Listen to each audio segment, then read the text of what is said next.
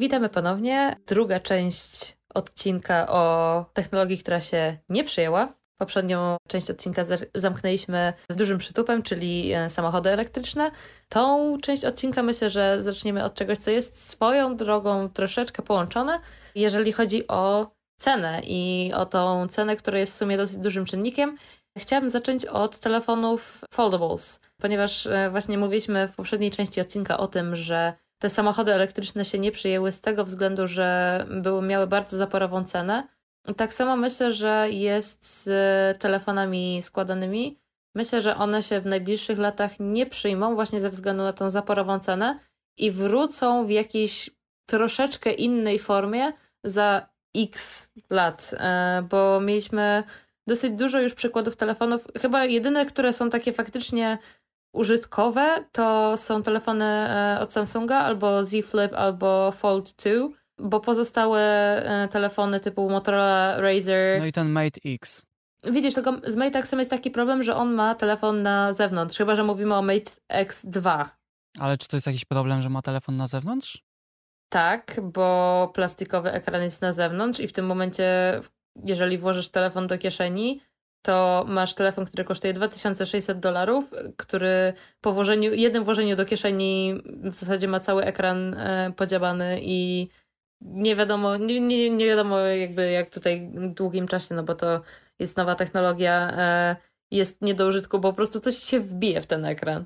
Także tutaj to, że on jest na zewnątrz, on wygląda super, tylko po rozłożeniu jest kwadratem, a e, po złożeniu ma plastikowy ekran na zewnątrz, który w zasadzie nic nie chroni.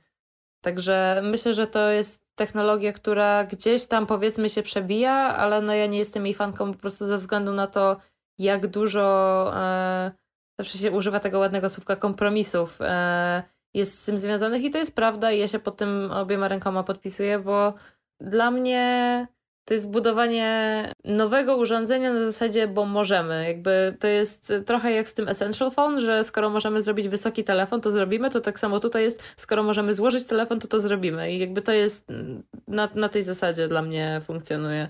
Ale myślę, że tutaj Piotrek bardzo chętnie się ze mną pokłóci na ten temat, także e, czekam to nie będzie jakaś wielka kłótnia, po prostu ja dlatego ich nie włożyłem do tej kategorii nieudanych projektów. Tak jak w przypadku telefonów mówiliście, że może jeszcze chwilę za wcześnie, dla mnie na telefony gamingowe myślę, że nie jest za wcześnie, natomiast na foldy jest, dlatego że jeszcze nie wszystkie firmy pokazały, co potrafią, a myślę o jednej konkretnej, która planuje to zrobić. To z gruszką. Więc tak dokładnie.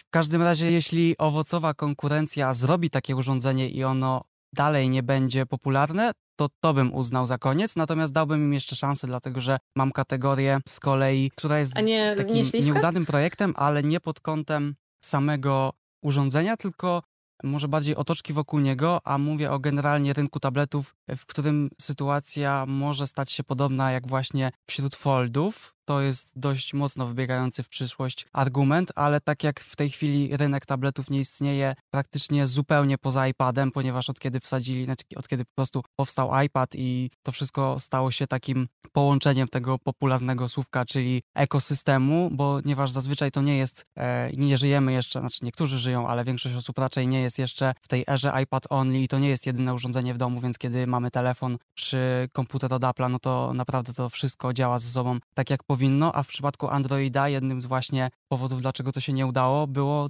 takie słabe traktowanie, jakoś tak bym nazwał, tego sprzętu, dlatego że to był albo, tak z moich obserwacji, takich zwykłych po prostu używań wśród ludzi, to było albo albo zabawka dla dzieci, albo jakieś takie coś dla dorosłego, dla rodzica, gdzieś tam do internetu, coś może sobie obejrzeć, natomiast tylko pośród produktów Apple'a, czyli pośród iPadów, to się stało produktem, który może być używany faktycznie też do gry dla dziecka, ale i tata może to wziąć i w godzinach pracy robić sobie coś na Excelu, więc to urządzenie dzięki Apple'owi stało się tak postrzegane jako faktycznie być może komputer, dlatego to się tak sprzedaje, natomiast foldy nie skreślałbym tego właśnie dlatego, że nie mamy tego jedynego dość dobrze pokazującego przykładu, jak można to urządzenie zrobić i do czego może służyć. I myślę, że dopóki to zobaczymy, to wtedy już faktycznie dojdziemy do wniosku, że ok, jeżeli Apple nie potrafiło zrobić z tym czegoś fajnego, no to naprawdę będzie ciężko, ale to właśnie im dałbym tę ostatnią szansę, dlatego ja tego jeszcze nie zaliczyłem. Czekamy, również są tak jak w przypadku okularów od Apple'a, coś się mówiło o roku, dwóch, może trzech. Nie wiem, będziemy obserwować sytuację, natomiast tak jak mówię, no to do nich według mnie należy ostatni krok tutaj. bo już od wszystkich innych po prostu widzieliśmy. Tak, a też wracając do tego argumentu, co Anuk użyłaś na początku, że przez cenę, tak jak się ten GM EV1 się nie przyjął i ten sam argument tutaj używamy przy foldable telefonach. Nie wiem, wydawało mi się, że faktycznie tak jest, że są dużo droższe, ale sprawdziłem w międzyczasie ceny i w sumie nie wiem, czy to jakieś są dziwne okazje, nieprawdziwe, ale na Amazonie Amazonie.pl można kupić Samsung Galaxy Z Fold Około 6 tysięcy chyba. 5G za 5100 zł, gdzie iPhone 12 Pro kosztuje 5400, a Samsung jest jeszcze ten Z Flip po prostu, ten taki, co jak Motorola jest, za 4500. E, także te ceny naprawdę już, jakby tam można się kłócić, wiadomo, coś więcej pamięci ma za tą cenę, coś mniej. Znaczy dalej chyba nie twierdzimy, że telefon za 5,5 tysiąca to jest tanie urządzenie. Nie, absolutnie, ale ludzie kupują iPhony za 5,5 tysiąca i za 6. No tak, tak. Więc jakby wydaje mi się, że ta różnica cenowa tutaj, w sensie ta bariera cenowa nie jest jakoś koniecznie barierą. Bardziej barierą jest to, czy ludzie tak potrzebują faktycznie, co jest trochę może innym argumentem i też Anuk o tym mówiłaś, że to jest robienie nie bo jest potrzeba, tylko bo jest możliwość. E, przy czym mi się wydaje, że takie robienie, bo jest możliwość też jest całkiem w porządku, bo osobiście podoba mi się idea w sumie, w sensie patrząc na te telefony, Podoba mi się, że jest innowacja w tej branży telefonów, że są telefony, które robią coś, czego mój telefon nie robi, składają się, czy oferują większy ekran nagle w kieszeni, bo nie wiem, czy bym to chciał mimo wszystko jeszcze teraz, a może jak wyjdzie iPhone, to będzie okazja do zastanowienia się. Niemniej innowacja w tej branży mi się podoba i no, cena chyba nie jest takim dużym już barierą, więc nie skreślałbym też jeszcze tych produktów jako stracone, bo wcale nie wydaje mi się, że muszą teraz zniknąć na chwilę, żeby później znowu się pojawiły, tylko one mogą cały czas jeszcze być wśród nas. Mhm. Wydaje mi się. Zgadzam się. Nie, w sensie dla mnie właśnie to jest tak, że jest tyle tych rzeczy związanych z takim codziennym użytkowaniem, to że po prostu można wgiąć ekran do środka przyciskając po prostu za mocno e, ręką. Ale to są właśnie błędy wieku wczesnego. Tak, dlatego właśnie ja myślę, że to po prostu dużo, dużo za wcześnie wyszło i nie znaleźliśmy jeszcze materiału, który jest odporny na. Ale z kolei musiało kiedyś wyjść, żeby też testować na prawdziwym rynku. Nie wszystko da się sprawdzić e, gdzieś tam na testowniach. Tak samo jak są te maszyny do składania telefonów, właśnie robią to milion razy. Tak samo na pewno są urządzenia na przykład do testowania klawiatur i mamy właśnie problem, który nas łączy z Kajetanem, czyli motylkowe klawiatury w laptopach, w MacBookach, które padają po kilku miesiącach i nawet po serwisie u mnie znowu ten problem się pojawił, a też są na pewno maszyny, które klikają w to miliard razy i na pewno przez coś takiego ta klawiatura przeszła i ktoś to musiał dopuścić, więc po prostu błędy się zdarzają. Teraz robili nożycowe, żeby to naprawić. Tutaj do foldów zrobią jeszcze coś innego, także no po prostu z jednej strony mówisz, że też właśnie trzeba poczekać, ale z drugiej zaliczyłaś to do tej kategorii, dlatego też mówię, że kwestia czasu, po prostu pod tym kątem się z tobą nie zgadzamy, dlatego że te problemy istnieją i myślę, że z tym się również Kajetan zgodzi. Po prostu nie o to nam chodziło.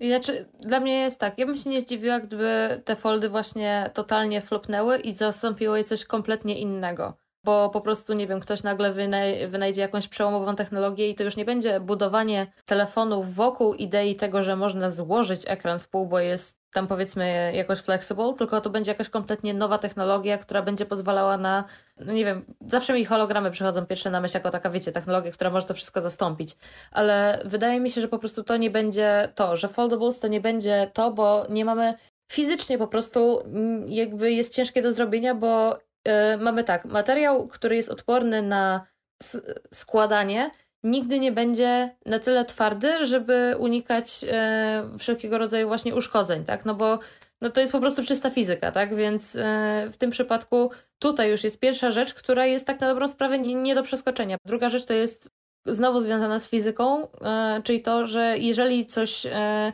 się składa, rozkłada i generalnie rusza, to to ma większą szansę na to, żeby się zepsuć, niż coś, co się nie składa i nie rozkłada i nie rusza. Osobiście nie pamiętam tych czasów i nikt z nas nie pamięta, ale cała ta wypowiedź bardzo mocno przywodzi mi na myśl argumenty, które wydaje mi się, z tego co czytałem, słyszałem, pojawiały się, kiedy smartfony pierwszy raz wchodziły i zastępowały telefony z klawiaturą. Że to jest niesprawdzony koncept, to się nigdy nie przyjmie, to jest z góry spisane na porażkę i nie ma szans, że to się przyjmie, a no historia udowodniła inaczej. Nie mówię, że teraz tak, tak będzie, niemniej historia lubi się powtarzać. Jestem ciekaw, jak to się rozwinie dalej, bo mocno mi to przypominało.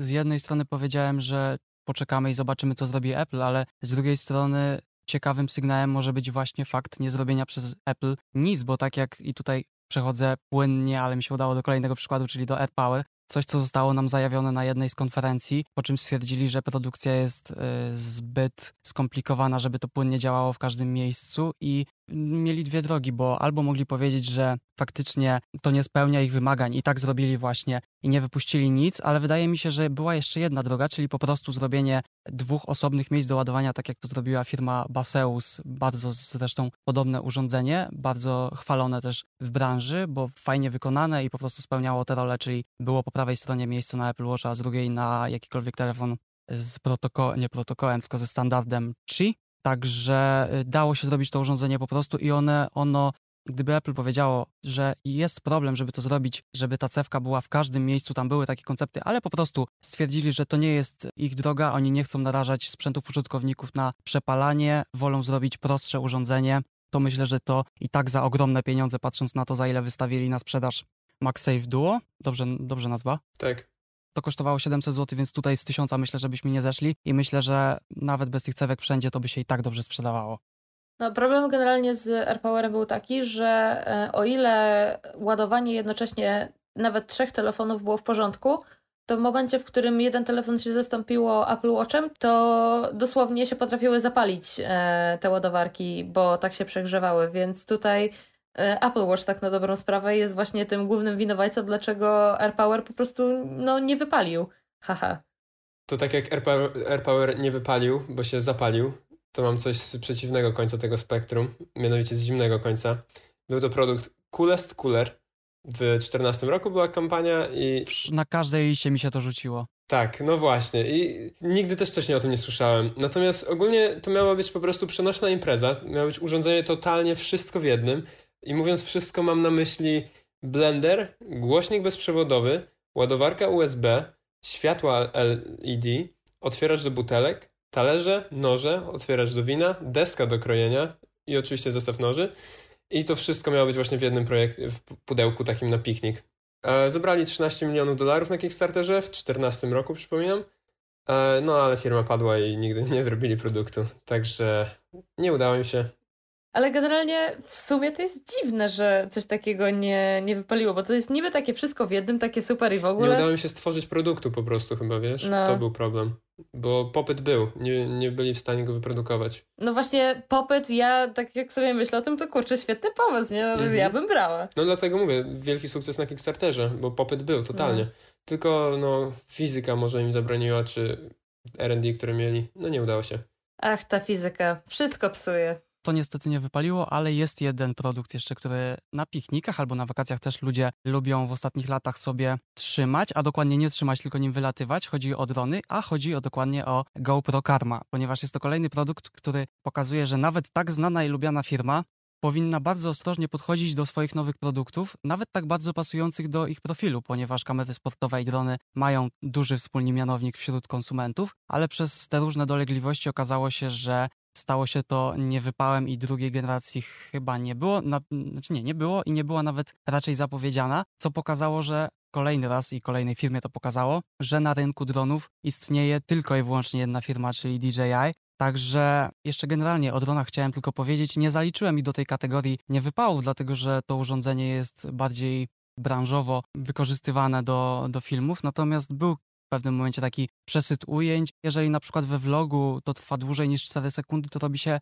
średnio ciekawie. Także i nawet patrząc też na zainteresowania ludzi, czy na przykład wyświetlenia recenzji, to to trochę spada, więc ludzie powoli dochodzą do wniosku, że jednak na wakacjach czy na takich piknikach właśnie już może trochę te drony nie są potrzebne, natomiast absolutnie ich do dzisiejszej kategorii nie zaliczam. GoPro Karma z dziwnych w sumie powodów, ale totalnie nie wypaliło, a myślę, że to była jedyna firma, która mogła zagrozić DJI nie wiedziałem, że nie wypaliło. Ja pamiętam, jak ta karma wychodziła i mi się mega podobało, że GoPro zrobiło coś takiego. Nie, to jest zaliczone praktycznie w każdej technologicznej liście. No, faktycznie nic nie pamiętam, nie słyszałem potem o tym, ale sam produkt wydawał się na początku w porządku. No ale rzeczywiście konkurencja od DJ'a no, nie jest najprostsza do pokonania. No właśnie to jest to, bo jak już jest jakaś firma, która jest od bardzo długiego czasu jest taka zakorzeniona na rynku, to bardzo ciężko jest się wgryźć w to wszystko, więc o ile się nie ma bardzo konkurencyjnej ceny, jak w przypadku e, wielu smartfonów, często jest tak, że jak wychodzi jakiś nowy smartfon, to jest bardzo często taka sytuacja, że ten telefon jest dziwnie tani chyba Oppo, czy jakaś firma dodawała na przykład ostatnio gratis drugi taki sam. o kurde. Ale też, są, wow. też oni się odbijają potem trochę na usługach, czy na reklamach, bo na niektórych telefonach są reklamy. Na Samsungach chyba nawet są reklamy tych z najwyższej półki. W sensie na iPhone'ach też są reklamy Apple Arcade, ci cały czas reklamują, jak się nie ma, Apple TV cały czas są reklamowane, ale na niektórych telefonach są takie legitne reklamy innych trzecich firm. To jest dosyć daleko posunięte. Mhm. Ode mnie taka kategoria w sumie może nie jakoś bardzo popularna, ale e, chciałam poruszyć temat Google Stadia, który jako koncept e, działa absolutnie świetnie. Tylko, że właśnie wykonanie jest takie sobie, bo e, nie wiem na ile tutaj jesteście znajomieni z tematem, ale Stadia generalnie była reklamowana jako taka przyszłość gamingu i w zasadzie dużo ludzi miało bardzo duży hype na to co nie jest dziwne swoją drogą, ale miało to być dla ludzi, którzy tutaj nie do końca są zorientowani, miało to być serwis, który miał gry na serwerach, które były streamowane e, na jakiekolwiek urządzenie, jakie się miało. Specyfikacja komputera, czy czegokolwiek, tak na dobrą sprawę, czy tabletu, czy yy, czegokolwiek, na czym się grało, nie miało znaczenia, bo yy, tylko, był to tylko i wyłącznie stream. Tylko, że było z tym trochę problemów, i pierwsze, jak zwykle, e, myślę, że możemy tutaj zacząć od takiego najważniejszego punktu, czyli pieniądze, e, ponieważ Stadia kosztowała, w zasadzie kosztuje, bo to nadal jest projekt, który e, jest w jakiś sposób tam utrzymywany, kilkadziesiąt dolarów miesięcznie. I w tej subskrypcji nie są wliczone gry, czyli jeżeli ktoś chce kupić grę, chce zagrać w grę, to musi ją kupić osobno. Co w przypadku innych streamingowych opcji nie ma miejsca, ponieważ e, Xbox i PlayStation mają tam swoje e, cloud-based services i one, wiadomo, że najpierw trzeba kupić e, właśnie tą część hardware'ową tego, tej całej operacji, tylko że właśnie ten cloud gaming jest troszeczkę inaczej rozwiązany i właśnie dla ludzi to, że muszą płacić cały czas za tą subskrypcję i jeszcze poza tym muszą kupować gry, już było tutaj dużym taką dużą czerwoną flagą, tak? E, no a potem właśnie jak już Stadia wyszła, to się okazało, że jest cała rzesza problemów związanych po prostu z techniczną e, częścią tego całego projektu.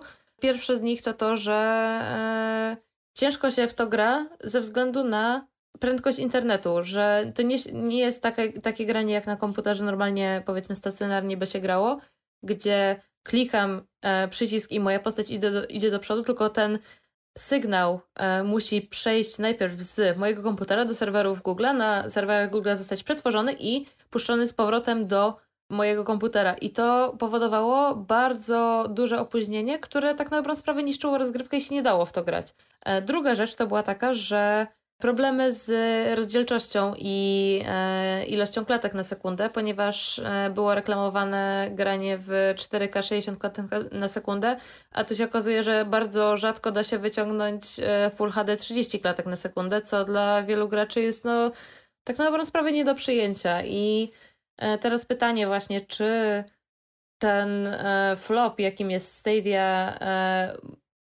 to jest właśnie kwestia tego, że ta technologia została wypuszczona za wcześnie, czy to jest po prostu coś, co zawsze nas będzie ograniczało, bo internet w sumie cały czas jest coraz, coraz szybszy, ale nadal e, ten sygnał musi być gdzieś przetwarzany, zanim on trafi z powrotem do naszego komputera, więc tutaj jest dosyć duży znak zapytania, czy te właśnie cloud-based gaming, czyli e, to coś na zasadzie, że moje, e, mój sprzęt nie ma znaczenia, bo e, Google ma lepszy, e, czy jakakolwiek inna firma, która kiedykolwiek zrobi to dobrze.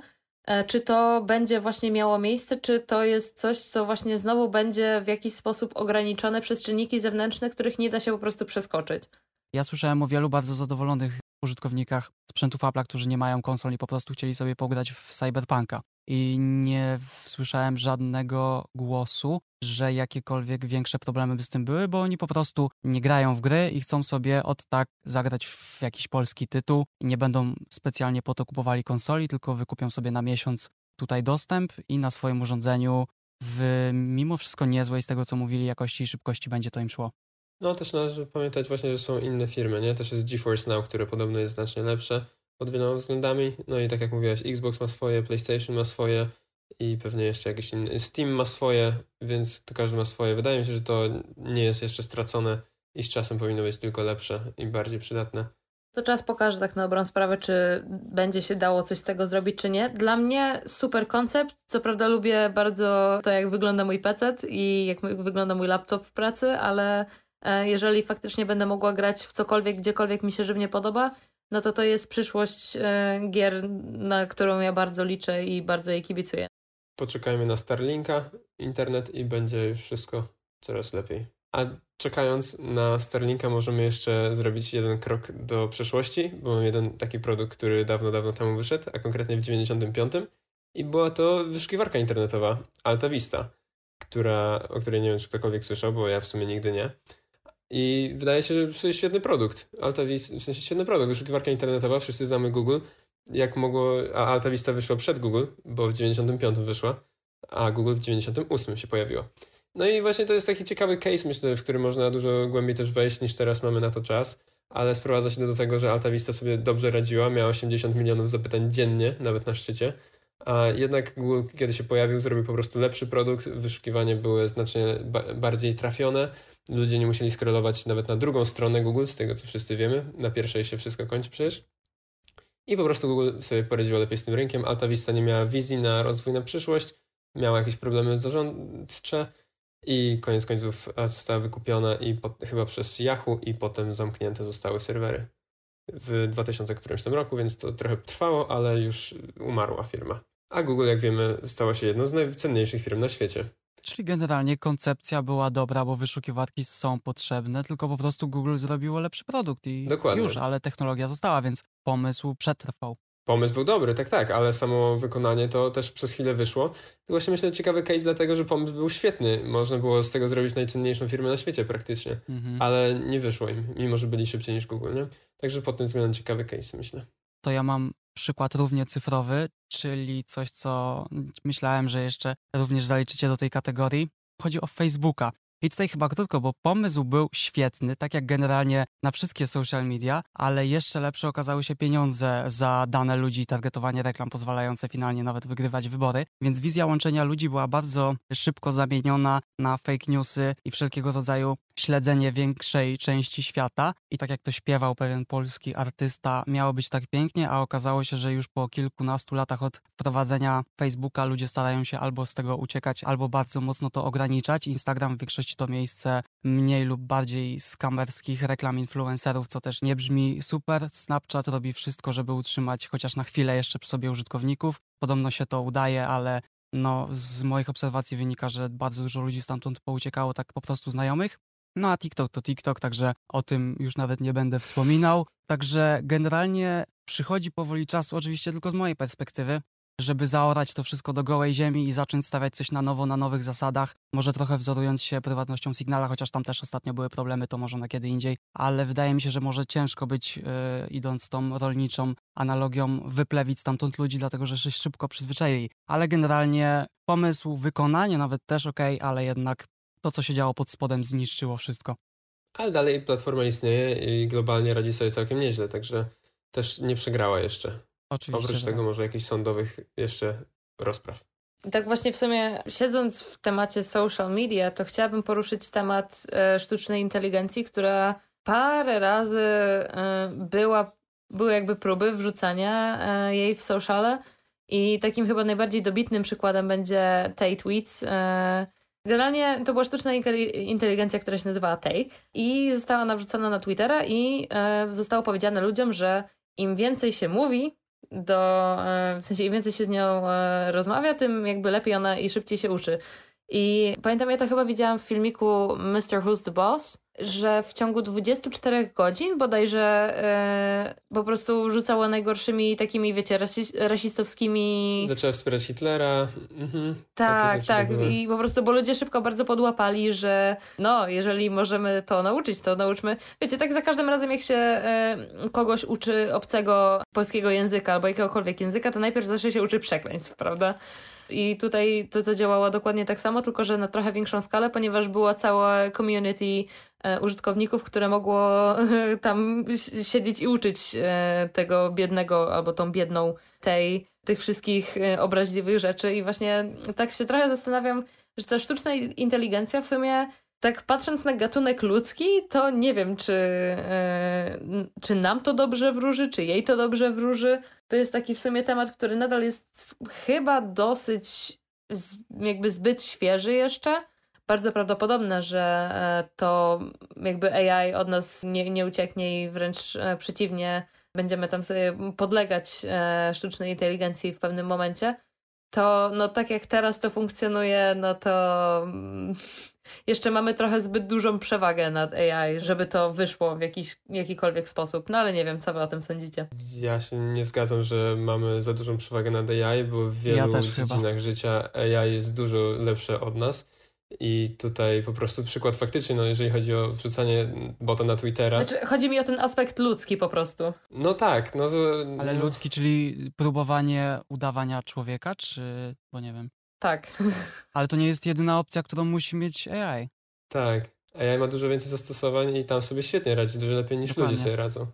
No dlatego mówię właśnie o tym, o tej takiej formie po prostu, w której e, zostaje tam gdzieś wrzucane właśnie na sociale czy, czy inne takie że jakby AI ogólnie spoko, że jest w stanie o wiele lepiej funkcjonować niż ludzie, ale jeżeli chodzi o udawanie ludzi, to tak. A ostatnio Google I.O. było dwa tygodnie temu, czy tydzień temu i tam była zaprezentowana Lambda bodajże, źle na pewno to mówię, źle to się inaczej nazywa, ale dali przykład, gdzie można sobie porozmawiać z fejkowymi obiektami, czyli dosłownie tam dali przykład, że z planetą, z planetą, nazwę planetą to, z planetą Pluto można było porozmawiać, oraz z papierowym samolocikiem, gdzie można było prowadzić z nimi rozmowę i oni odzywali się do ciebie tak jakby byli no, Pluto albo tą samolocikiem, czyli właśnie na przykład można było zadawać pytania typu jak się przygotować, kiedy cię odwiedzę i tam ci i nagle Pluto odpowiada, że no w sumie jest bardzo zimno, weź kurtkę, ale mimo wszystko jestem piękny.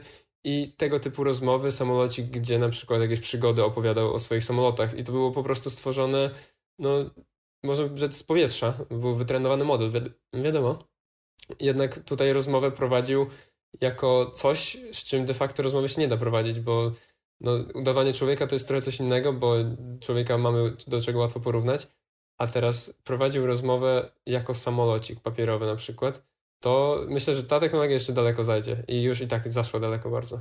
Tak, no też mi się wydaje, że to jest po prostu jedna z funkcji nieudanych, ale na pewno nie do przekreślenia całości. Wiem, że też nie, nie o to chodziło, ale po prostu ja to traktuję nie jako te różne podzielone kategorie, tylko całość produktu, która jest nam w różnych miejscach w różny sposób serwowana i w większości przypadków mniej czy lepiej, ale sobie radzi i na pewno będzie sobie radziła coraz lepiej, więc jakiekolwiek błędy by nie miała, to na pewno już jest na tyle też zżyta z różnego typu produktami, że po prostu ona będzie tak na siłę dopychana i na siłę dopracowywana, więc ona będzie z nami jeszcze przez bardzo, bardzo długo. I będzie rozwijana, bo się opłaca po prostu też. Wiele rzeczy robi lepiej niż człowiek, więc taka kolej rzeczy. Jeżeli chodzi o rzeczy AI i w ogóle smart, to mogę poruszyć szybko temat smart kart kredytowych i innych płatniczych, gdzie w 2014-2017 roku e, były dwie firmy, które próbowały, miały bardzo bliźniaczą ofertę. Jedna nazywała się Coin, druga nazywała się Plastic i obie sprowadzały się do tego, że dadzą ci jedną kartę, którą będziesz mógł płacić jakby mając wszystkie karty w niej, czyli mniej więcej taki wallet, Apple Wallet teraz, czy Google Pay, a także idea się niestety nie przyjęła. W sensie chyba coin wypuściło i słabo działało, były problemy z chipem, plastik nigdy nie wyszła, ale znowu przykład, gdzie idea była dobra.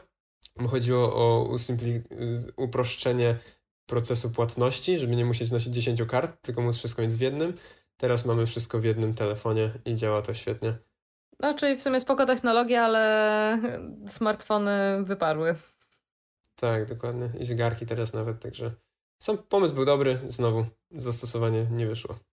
To ja mam tutaj konsumenckie VR i wydaje mi się, że to jest jeden z takich przykładów, o których mówiliśmy już w przypadku kosmosu, że była to technologia wynaleziona do z zupełnie innych branż, niekoniecznie rozrywkowej, a że konsumencki rynek też lubi takie rzeczy, to spróbowali nam sprzedać jakieś mocno niedoskonałe okulary do grania czy oglądania, co się nie bardzo przyjęło. To raz przez dużą cenę, potem kiepską jakość wykonania, jeśli chodzi o użytkowanie w domu z telefonu, bo zakładając to właśnie przez trzeci zły powód, czyli kolejne dodatkowe urządzenie, czyli cardboard, zakładając to po prostu widzimy piksele rzucone nam przed oczami, więc szczerze mówiąc wydaje mi się, że liczyli na trochę większy szał. Na pewno, tak mi się wydaje, że przyjdzie jeszcze czas na VR, to nie jest na pewno coś wdążonego za wcześnie, ale po prostu czy wirtualne podróże, spotkania, gry i tak dalej, to na pewno się jeszcze rozwinie, natomiast na ten moment, szczerze mówiąc, przychodzi mi do głowy jedna branża użytku domowego, z której ludzie ewentualnie mogą korzystać i nie są to vlogi na YouTubie, także wydaje mi się, że na to jeszcze będziemy musieli poczekać po prostu. VR jeszcze się rozwinie, znowu też teraz znowu Google I.O. dwa tygodnie temu Project Star Starline wypuściło, gdzie jest po prostu, polecam wygooglować Google Starline i obejrzeć pierwszy filmik od Google, bo jest naprawdę technologia VR wzięta do nowego poziomu. Dalej chciałem wspomnieć o dwóch produktach, dwóch przykładach w zasadzie z tej samej półki. Chodzi o systemy operacyjne, czyli o Windowsa Vista i macOS Catalina. Przy czym z Visty, jeśli dobrze pamiętam, nie korzystałem, bo przygodę z Microsoftem zakończyłem na XP, ale Vista z tego co doczytałem ma taką dość podobną opinię do Cataliny, przez to, że tam było dużo błędów, jeśli chodzi o samą Vistę, to generalnie były mocno zawyżone wymagania sprzętowe, tak bez większego uzasadnienia dlaczego. Też nie wchodzę zbyt głęboko w te tematy, bo nie jestem aż tak zaznajomiony, ale to, co gdzieś tam doczytałem przed odcinkiem, żeby wiedzieć, bo pamiętałem, że to jest uznawane za jednego z najgorszego Windowsa, Mhm. Było tam też marnowanie pamięci na wizualne dodatki jak Aeroglass, które w tamtym czasie nie było zbyt ważne dla użytkowników jakieś certyfikaty dla sterowników, bardzo dużo takich rzeczy, łatanie dziur i tak dalej. I wspomniałem też o Katalinie, bo szczerze mówiąc, poza paroma pytaniami o prywatność, jeśli dobrze pamiętam w aplikacjach, nie pamiętam jakichś większych błędów. Jasne, w przypadku używania wymagających programów, zwłaszcza firm trzecich, zwłaszcza na, na nich zarabiając, zawsze warto się upewnić przed aktualizacją, czy będzie to działało, ale podałem te przykłady w ramach takiej przestrogi, bo nie neguję, że w którymś z tych systemów działało coś idealnie, tylko faktycznie ludzie mieli błędy, ale żeby nie wzbraniać się od aktualizacji, czy na przykład przechodzenia między systemami, na przykład między Androidem a iOS-em, tylko na tym, co mówią ludzie, dlatego że nasze użytkowanie tego sprzętu może sprawiać i może mieć tak, no po prostu niskie wymagania, że czy przesiadka y, z wcześniejszej wersji systemu na nowszą, o której generalnie się mówi źle, mm, to nie jest jedyny powód, dla którego warto już przekreślać cały ten system i nie aktualizować, a znam takie osoby. Tak samo jak ludzie przekreślają dla paru tam wyimaginowanych y, argumentów całego iOS-a, a potem po tygodniu przesiadki nie planują wrócić. Także mówię to pod takim kątem, żeby nie słuchać generalnie narzekania branży, tylko spróbować samemu czasem coś, no na przykład po prostu zaktualizować, chociażby dla łatek systemu czy wyglądu, no bo nie zawsze to, o czym się mm, słyszy, co jest po prostu pompowane, bo błędy w nowych systemach są zazwyczaj bardzo szeroko komentowane, ale to są często y, sprawy wśród ludzi, którzy korzystają z tego bardzo, bardzo profesjonalnie. No ja mimo, że używam programu do montażu, to nie spotkałem się z jakąś wielką ilością błędów. Tak jak mówię, warto to sprawdzić ale to są fajne przykłady na to, że i też czytałem na przykład dzisiaj parę artykułów o Windowsie Wiście, że no wcale nie, było, nie był to taki zły system, jak go wszyscy wspominają, a, a te parę osób, no czy, czy większa ilość użytkowników, ale trochę bardziej wymagających, zrobiła z tego jeden z najgorszych systemów na świecie, więc warto sprawdzać takie rzeczy. Warto sprawdzać, warto być faktycznie świadomym użytkownikiem. Szczególnie, że teraz jest całkiem dobry czas na przypomnienie o tym, bo jesteśmy tuż przed e, konferencją Apple, gdzie na pewno będzie nowy macOS ogłoszony, a oprócz tego ostatnio czytałem, że również ma przyjść niedługo aktualizacja do Windowsa 10, która będzie jedną z największych aktualizacji ostatnich lat. Też niezbyt lubiany system. No właśnie, ja też nie wiem. Ja na przykład, mm, ja go lubię, w sensie na PC, jak używam PC, to Windows 10 mi totalnie nie przeszkadza i większość jest w nim dobrych rzeczy. Wale, preferuję macOSa, ale Windows 10 działa tak jak Windows wydaje mi się, że działać powinien. E, no niemniej zawsze chyba się znajdą faktycznie osoby, które są mniej zadowolone, bo pewnie, przed, nie wiem czy przede wszystkim, ale no tak samo jak macOS w pewnym momencie odciął 32-bitową architekturę, to wiele aplikacji przestało działać, a, a no to jest po mhm. prostu koszt To było postępu. chyba właśnie na Katalinie. Mogło być na Katalinie. To by wyjaśniało, dlaczego był tak nielubiany też ten system. Mhm. Także no, idąc naprzód po prostu też niestety z jakimiś poświęceniami to się czasem wiąże, ale tak jak mówisz, to każdy też samemu dla siebie powinien ocenić, czy dla niego to jest aż taka duża różnica, czy nie. Bo dla niektórych to faktycznie będzie w ogóle deal breaker i nie ma sensu. To zostając w sumie przy Microsoftie, chciałbym jeszcze jeden produkt poruszyć, który mam na liście zapisany, którego nie znałem osobiście, a okazuje się, że w sumie Jedni mówią, że klapa, a niektórzy się znajdują też, którzy go bronią jeszcze. Chodzi mi konkretnie o Microsoft Zune. Nie wiem, jak to się wymawia niestety. Z-U-N-E. I to było oryginalnie, i też właśnie to jest cała rodzina produktów, to jest cały, nie wiem czy nie serwis nawet, od Microsoftu, ale konkretnie tutaj chciałem przywołać ich konkurencję dla iPada, iPoda, przepraszam, dla iPoda, kiedy to iPod wyszedł i był wielkim sukcesem i wszyscy chcieli się załapać na kawałek tego ciasta, które to właśnie iPod tworzył i wszyscy robili przenośne odtwarzacze MP3. No i właśnie Microsoft zrobił też Zune jakiś tam, no pewnie się nazywał inaczej. No i właśnie były opinie w sumie, że sam produkt był naprawdę dobry, ale totalnie zły timing, bo wszyscy już używali w tym momencie iPoda i nie było za bardzo powodu, dlaczego by się przenieść. Tam chyba Sony też miało swoją. Yy, Sony miał swojego też. Tak, tak. No w ogóle właśnie wszyscy się rzucili wtedy na ten rynek, czy w tym okresie. Tak, ale właśnie Sony kojarzy, że chyba im też się to całkiem nieźle sprzedawało.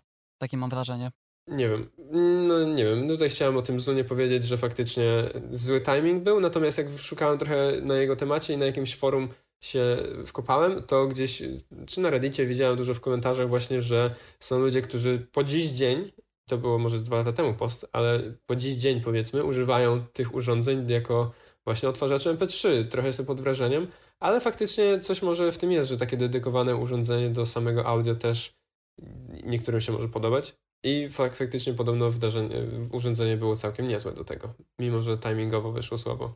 Zdecydowanie może się podobać, dlatego że co jakiś czas i kolejny raz, chyba tydzień temu widziałem kolejny przykład iPoda, który został y, podłączony w taki, znaczy został zaprojektowany w taki sposób, a przynajmniej sam koncept, żeby można było tam odtwarzać tylko i wyłącznie bibliotekę z Apple Music przez y, AirPlaya bez mhm. chyba gniazda słuchawkowego i bardzo, bardzo dużo ludzi na Twitterze widziałem, że ustawiałoby się po to w kolejce, także ten element właśnie tego stylu retro a propos iPada, o, iPoda, przepraszam, y, właśnie od którego bardzo też dużo ludzi weszło w te, to było jedno z pierwszych urządzeń Apple'a, więc tak. wszyscy ci ludzie miło to wspominają, bo iPod to było takie naprawdę fajne urządzenie i w tej chwili no pewnie bardzo ciężko było się przestawić, żeby jednak nosić ze sobą do słuchawek tylko urządzenie tylko do muzyki. Natomiast jest duże zainteresowanie, myślę, że dla samej nostalgii i poużywania tego przez tydzień czy dwa, czy gdzieś tam na jakieś wydarzenia, może żeby sobie zebrać na przykład podpis jakiejś znanej osoby z Apple, dlatego że mhm. widziałem, że popularne są podpisy Steve'ów, e, Steve, Steve'a Woźniaka na przykład na iPhone'ie, czy takich ludzi. No Więc myślę, że dla takiego grona użytkowników, starych użytkowników Apple'a, pamiętających pierwsze fajne sprzęty, to by był naprawdę ciekawy ruch ze strony Apple'a. Gdyby wypuścił iPoda jeszcze? Tak, takiego nowoczesnego. Mhm. Uuu, no to, no, to było ciekawe. Też widzę dużo krytyki od razu, że w sumie po co komu taki produkt w ogóle i przecież to nie ma sensu, ale no wszystko zależy też pewnie od ceny i tego, jak to będą, jak to by marketowali. Mhm. E, nie wiem, czy wyjdzie jeszcze iPod kolejny od nich, ale będzie, będziemy obserwować tę przestrzeń na pewno. Za tydzień jest WWDC, kto wie. Może nas zaskoczą. Oj, myślę, że tak aż wcześniej. Chyba nie aż tak. Myślę, no, że te dwa lata temu to spokojnie byśmy coś już o tym słyszeli, że jakimś cudem e, Apple znowu ogląda się za tym kółkiem dotykowym do zmieniania, do nawigowania menu. Mm -hmm. Ale ciekawe. A propos samej muzyki to nawet mam, więc tutaj Segway wyszedł sam z siebie, Dawaj. dlatego że Apple niedawno zapowiedziało, że w Apple Music będzie bezstratna jakość dźwięku. Tak I to jest produkt i, znaczy to nie jest produkt, to jest usługa bardziej, która jeszcze nie wyszła, ale wydaje mi się, że serc użytkowników nie podbije. Nie, nie mówię też, że to będzie na pewno jakiś kolejny nieudany produkt, natomiast są już serwisy streamingowe takie jak Tidal, które proponują, a przynajmniej tak mówią, że mają bezstratną jakość dźwięku. Tam akurat podobna aplikacja nie jest zbyt fajna, tutaj nie korzystałem. Natomiast dlaczego o tym mówię? Bo wydaje mi się, że też czytałem komentarze, myślę, że ludzi, którzy się znają, a przynajmniej mam taką nadzieję, że taka jakość dźwięku będzie pobierała jakieś ogromne ilości danych transferu, jeżeli na przykład wyjdziemy sobie mm -hmm. na mhm. miasto nie mając zapisanej danej muzyki na, lokalnie na urządzeniu, po drugie, czy ktoś to zauważy? Myślę, że to jest takie oczko i taki ruch bardziej w stronę naprawdę wymagających użytkowników, których i tak bardzo ciężko jest zadowolić, więc nawet nie wiem, czy to im wystarczy. No ale niech Apple próbuje, więc myślę, że kolejna sprawa to jest, że dla zwykłych użytkowników to albo będzie włączone domyślnie, albo nie i nawet tego nie zauważą. Kolejna sprawa to jest, słyszałem, że to będzie działało tylko do około dwóch metrów od źródła dźwięku, więc w zasadzie odchodząc gdzieś od telefonu w słuchawkach, tutaj jakoś już ma powoli jakieś straty. Nie wiem, jak bardzo to jest potwierdzone, ale no tak jak na przykład z kalibracją ekranu przez Apple TV, podobno jakieś zmiany są, już czytałem, że kolory faktycznie o, są właśnie. trochę lepsze, natomiast Super. jeśli chodzi o dźwięk, tutaj nie jestem jakoś przekonany, na pewno jestem ciekawy, nie skazuję tego na, na porażkę, ale myślę, że to będzie po prostu taka kolejna funkcja, na pewno nie jakaś wielka rewolucja, ale to też chyba nie musi być rewolucja i oni też tak tego nie reklamują. Tak, ale wydaje mi się, że to jest właśnie kolejna funkcja na liście funkcji, które oferuje teraz Apple Music i tak jak mówiłeś, o, że Tidal to właśnie cały swój biznes model oparł o to, że oferuje muzykę bezstratnej jakości, to w tym momencie wiele osób, które subskrybowało Tidala tylko dlatego, że miało właśnie tej lepszej jakości muzykę, no traci ten argument i teraz może przejść do Apple Music czy Spotify, który też podobno ma zaraz wypuścić tą samą funkcję, także to też trochę o to chodzi, nie? żeby zwiększyć konkurencyjność Apple Music na pewno mhm. i pod tym względem działa pewnie. Czyli wygrywali w zasadzie tą jedną funkcją. Względem Tidala, czy... Yy, tak, Tidal wygrywał tylko tą jakością. Tak, z tego co wiem to tak. Tak mi się wydaje, że nic więcej nie miał. Bo słyszałem o wykonaniu aplikacji niezbyt wiele dobrego. No właśnie, mi się wydaje, że to była jego główna funkcja właśnie, ta jakość audio. A to też ciekawe, skoro miał taką jakość, to ciekawe jak wyglądały sprawy z transferem danych. No to bo ciekawe, może już są jakieś tego dane. Ale no wszystko zobaczymy już niedługo. Chyba, że to jest jeszcze jakiś protokół wyżej, ale to tak jak mówię, nie siedzę aż tak w tym temacie. Też może być tego, tego nie wiem. Niedługo nam Apple wszystko opowie, albo nie opowie, ale się sami dowiemy z filmów na YouTubie czy innych źródeł danych. Mhm. Myślę, że to już jakoś w czerwcu z tego, co mówili, bo tam były bardzo duże problemy i z tą jakością, i z, tak, i z subskrypcjami takiego. dla użytkowników, tam dla twórców, te wszystkie panele, przez to też mieliśmy my problem i bardzo, bardzo wielu podcasterów w ogóle traciło przez chwilę dostępy i musieli pisać jako słuchacze, że są właścicielami tych podcastów, rozwiązywać o, masę kurde. problemów. Apple już się do tego odniosło, przeprosiło wszystkich i powiedzieli, że w czerwcu, do końca czerwca przesunęli premierę E, tych subskrypcji, tak, czy tam, jak też. oni to tam nazwali, rzeczy premium, w każdym razie przynajmniej się przyznali, że faktycznie był taki błąd i my też byliśmy tym dotknięci. Mam nadzieję, że nasi słuchacze nie, ale jest szansa, że tak. Niemniej, jeżeli chodzi o content, mam jeszcze jeden przykład właśnie i to jest mój ostatni już. Była taka platforma kontentowa w zeszłym roku, o której wydaje mi się, że było dość głośno, przynajmniej w niektórych kręgach. Quibi konkretnie, mam na myśli. Quibi. Nie słyszałem nigdy chyba. To była, no amerykańska, wiadomo, platforma streamingowa. Chciała się wyróżnić dość specyficzną rzeczą, mianowicie treściami takimi bardzo krótkimi, żeby tylko na chwilę na przykład jadąc autobusem sobie obejrzeć i że na przykład cały odcinek trwa 10 minut. Ale tylko audio, czy wideo, czy jak? E, nie, nie, wideo, tak, tutaj okay. może zapomniałem wspomnieć. Tak, tutaj chodzi, to był taki Netflix, tylko właśnie z tą różnicą, że Content przede wszystkim krótki był, właśnie kilku, kilkunastu chyba maks minutowy, mhm. żeby czy czekając na autobus, czy jadąc autobusem sobie obejrzeć. To była jedna rzecz, a druga, że content dopasowany był też do oglądania na telefonie, to znaczy nie tylko poziomo, ale również można było w pionie oglądać i on jakoś mądrze wiedział, co pokazywać. Czyli tak jak YouTube ostatnio kombinuje z shortsami. E, tak, tylko tutaj też, że ten sam content był wyświetlany w zależności albo w poziomie oryginalnie, albo jak obracasz to przycinał, to jakoś mądrze przycinał, nie? Nie, że wyświetla całość, tylko mhm. bardzo, jest dużo czarnych pasków, tylko wypełnia ci ekran tym pionowym, a po prostu przycina to jakoś mądrze. I chciał się tym wybić, no i tak jak mówię, celował właśnie przede wszystkim w podróże, czekanie na autobus i właśnie w komunikację, tak gdzie ludzie będą mieli chwilę tylko, żeby obejrzeć coś, kiedy czekają na inny transport. Natomiast jeden z większych problemów, jakie spotkał, to było to, że wyszedł w kwietniu 2020, kiedy to wszelaki transport i poruszanie się ludzi no, ustało i po prostu popyt na tego typu produkt zniknął, bo no, nikt nie miał potrzeby, że ma tylko 10 minut, żeby coś obejrzeć, albo siedział w domu i ma tyle czasu, ile potrzebuje i może odpalić Netflixa, albo no, no nie było drugiego albo, albo nie ogląda nic. Także tu w ogóle cały use case tej platformy zniknął od razu, bo no, ludzie nie, już nie musieli siedzieć na telefonach, bo byli w podróży, tylko mogli, nie wiem, laptopa odpalić telewizor, cokolwiek. I to był jeden z głównych powodów, a drugi to też było średni content bardzo. Mimo, że mieli trochę aktorów takich dosyć e, no, znanych z dużych produkcji, to jakoś słabo im wyszedł ten content z tego, co czytałem oraz słaby marketing bardzo był. Nie było też darmowej żadnej subskrypcji, trzeba było od razu chyba płacić i jakoś zabrakło tego wszystkiego w tym połączeniu jeszcze z tą pandemią to po prostu platforma upadła bardzo szybko. A warto jeszcze też dodać, że to też nie było tak, że ktoś pierwszy lepszy się za to brał, tylko osoby, które tworzyły tą platformę faktycznie miały doświadczenie w biznesie. Nie pamiętam już co dokładnie stworzyły wcześniej, ale też jakąś większą, jakiś większy produkt, platformę, czy co to tam było. Ciekawy byłem, czy na tę platformę trzeba było osobno wrzucać, bo na początku myślałem, że to właśnie nie jest y, rzecz do wrzucania tam kontentu, tylko ona brała na przykład content z YouTube'a i sama sobie przerabiała tak, żeby to słuchać, ale to nie, zupełnie nie o to chodziło. Nie, nie. To mieli swój własny content właśnie, to jest to. Też faktycznie, nie wiem czy nie było coś z tym, ale przede wszystkim mieli własny content. I to był no, pewien minus, no bo musieli jeszcze dość zachęcić nie tylko funkcją, ale tym contentem, którego jak był średniej jakości, no to już ciężko. to mam tutaj nie tym razem usługę, a produkt, który jest y, związany z produkcją filmów i odtwarzaniu tych filmów. Później chodzi o zakrzywione telewizory i ekrany generalnie i w obu tych przypadkach to nigdy nie robiło na mnie jakiegoś wielkiego wrażenia, a wręcz słyszałem gdzieś, że na przykład praca na pikselach w Photoshopie na takim lekko wykrzywionym ekranie jest trochę uciążliwa. Nie do końca wiem, czy to mi, czy nie, ponieważ ja mm, również przez ten argument kupiłem sobie 21 na 9 monitor, ale płaski, co też nie jest y, takie proste, dlatego że bardzo wiele monitorów jednak wykorzystało sobie tę te, te technikę ekranów zakrzywionych, natomiast wydaje mi się, że jest to technologia, która już odchodzi, bo topowe telewizory, tak samo jak w 3D, tak y, już teraz bardziej idą w to, żeby były totalnie płaskie i żeby można było je wręcz przykleić do ściany, a nie żeby były półokrągłe. Tak samo myślę, że monitory też wrócą niedługo do starej formy i nikt specjalnie nie będzie potrzebował ten, tej krzywizny. Mam tutaj znajomych kilku, którzy mają takie monitory i gra na nich. Wydaje mi się, że to jest po prostu taki kolejny,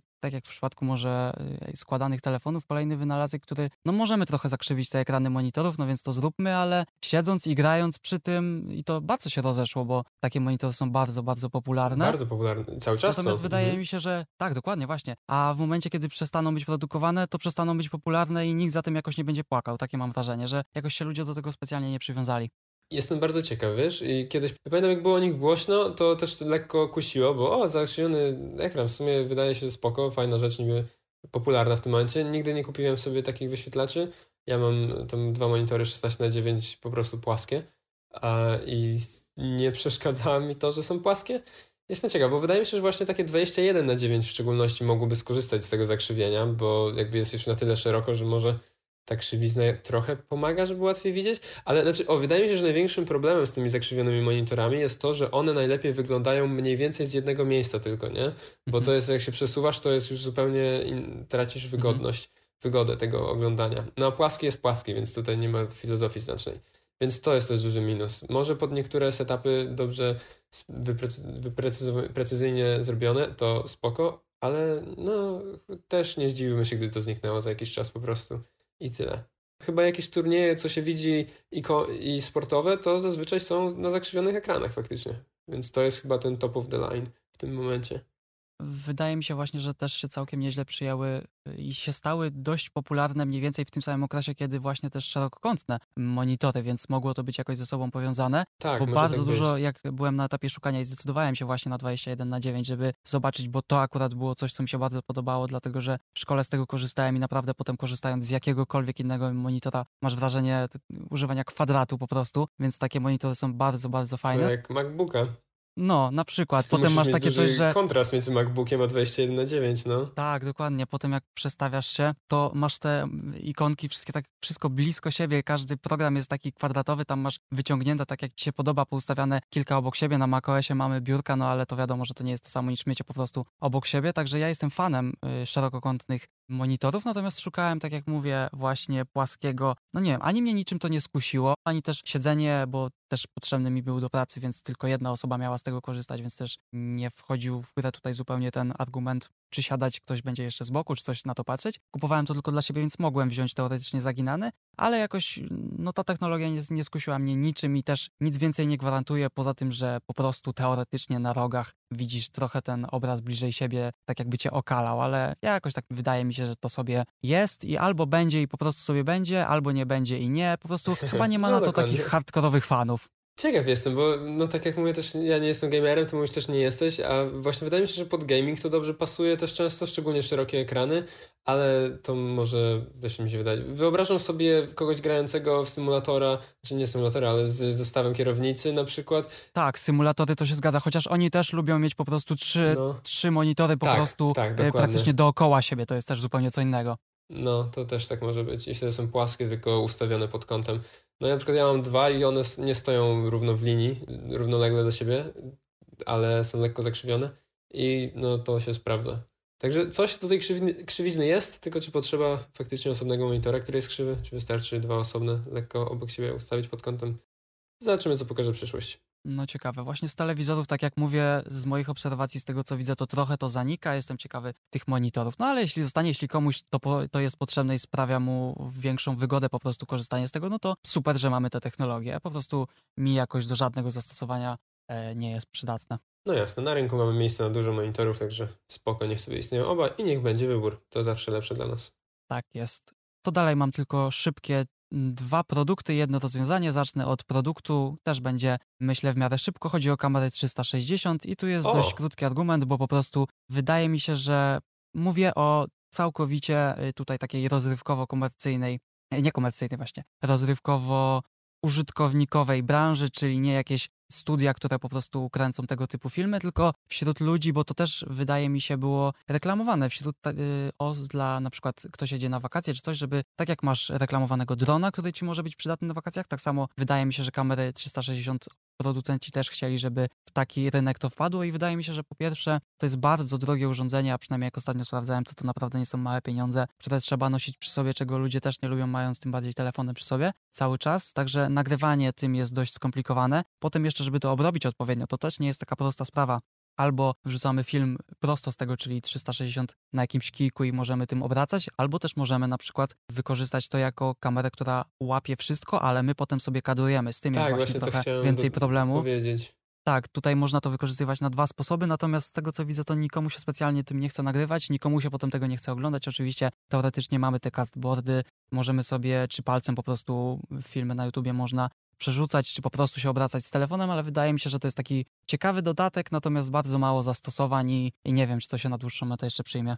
To powiem Ci, że tak jak ogólnie jakimś dużym fanem tego, czy, czy proponentem nie jestem, to czasem widzę dobrze, dobre wykorzystania tego na YouTube w jakichś filmikach, ale nie, że właśnie cały film jest 360 i teraz się obracasz wokół siebie, tylko ten drugi wariant, który powiedziałeś, jest wykadrowane i na przykład się przenosi, jakby zmienia się kadr w czasie, nie masz cięcia nie, z jednej strony na drugiej, nie masz de facto ruchu mhm. kamery za bardzo też, tylko w montażu to zrobisz. I jak ktoś to dobrze potrafi zrobić, to może mieć dobry efekt.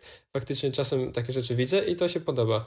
Bardzo lubią takie gadżety na pewno sportowcy, tacy ci od GoPro. Tak, oni wiesz, wtedy na głowę zakładają i to też świetnie wygląda, bo wtedy możesz z każdej perspektywy, jak jadą na snowboardzie na przykład z góry, no to, to jest no super. Tak. I właśnie no faktycznie dla amatorów to totalnie nie, nie pasuje. Kiedyś w ogóle miałem 360 Pro, dostałem tam od kogoś na chwilę, żeby się pobawić i no nie miałem dobrego zastosowania do tego, nie jestem też na tyle kreatywny, żeby to jakoś dobrze wykorzystać chyba, ale tak jak mówię, tacy ludzie, co żyją z robienia filmów, czy zrobienia filmów na YouTubie nawet no tak, i zawsze fajny to wykorzystać, dodatek. super, to czasem naprawdę da się zobaczyć dobre wykorzystanie tego.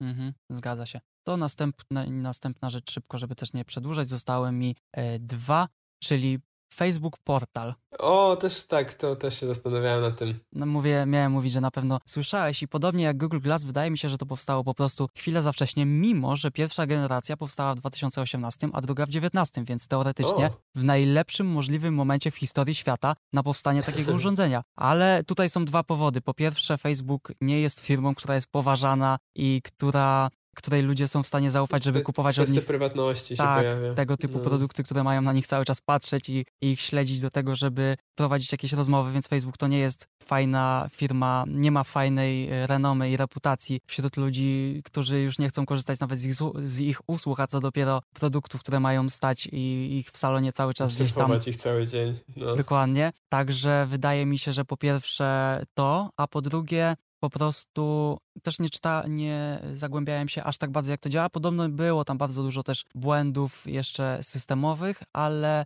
no wydaje mi się, że jeżeli zrobi to Apple tak jak z HomePodem ma być plan, czy pojawiają już się czy od Amazon. Amazon chyba nie ma jeszcze głośnika z kamerą, czy już coś wprowadzili?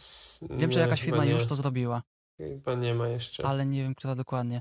W każdym razie wydaje mi się, że to powinna się za to wziąć firma bardzo konkretnie technologiczna, która po prostu ma z tym doświadczenie i to się wtedy uda, bo to jest produkt, tak jak w przypadku HomePoda, na, które, na który bardzo dużo osób czeka i wie, że na pewno go już kupi i teoretycznie go potrzebuje, ale, ale na pewno nie aż tak, żeby kupować to od Facebooka z bardzo wielu różnych powodów. Także to będzie urządzenie moim zdaniem y, z sukcesem, może nie jakimś ogromnym, ale jednak na pewno to się będzie. Tak jak HomePod też nie jest chyba ogromny sukces, ale, y, ale sukces. czy to chodzi o HomeKita, czy, czy po prostu głośniki, to na pewno jest pewien sukces i wyniki finansowe z akcesoriów to pokazują. Także tutaj myślę, że będzie podobnie. No natomiast na pewno nie od Facebooka, bo Facebook chyba tu już telefony robił, czy coś takiego, to nic od nich nie wyszło i usługi też od nich nie wyszły, także po prostu niech ta firma już no nie skończy, bo każdy ma prawo robić co chce, ale no dają, niech nam dadzą prywatność i normalny portal do komunikowania się ze znajomymi i to jest wszystko, co mogą dla nas zrobić i niech na tym zakończą.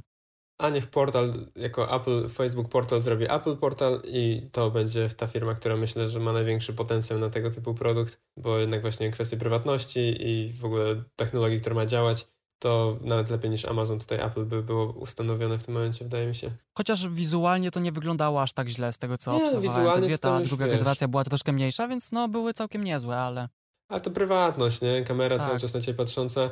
Już wszyscy słyszymy, jak dobry głoś, jak dobry mikrofon ma HomePod, HomePod Mini, tak, tak. że może grać na pełnej głośności i możesz z drugiego Mówisz końca coś normalnie mieszkania tak coś powiedzieć, nie krzycząc Mhm. i ci odpowie. Także no widać, że zaufanie jest. Nie wiem, na ile jest świadomość, jak dobre są te mikrofony, ale chyba zaufanie w miarę jest do firmy Apple akurat. Także może taki produkt u nich w line-upie by właśnie też pasował.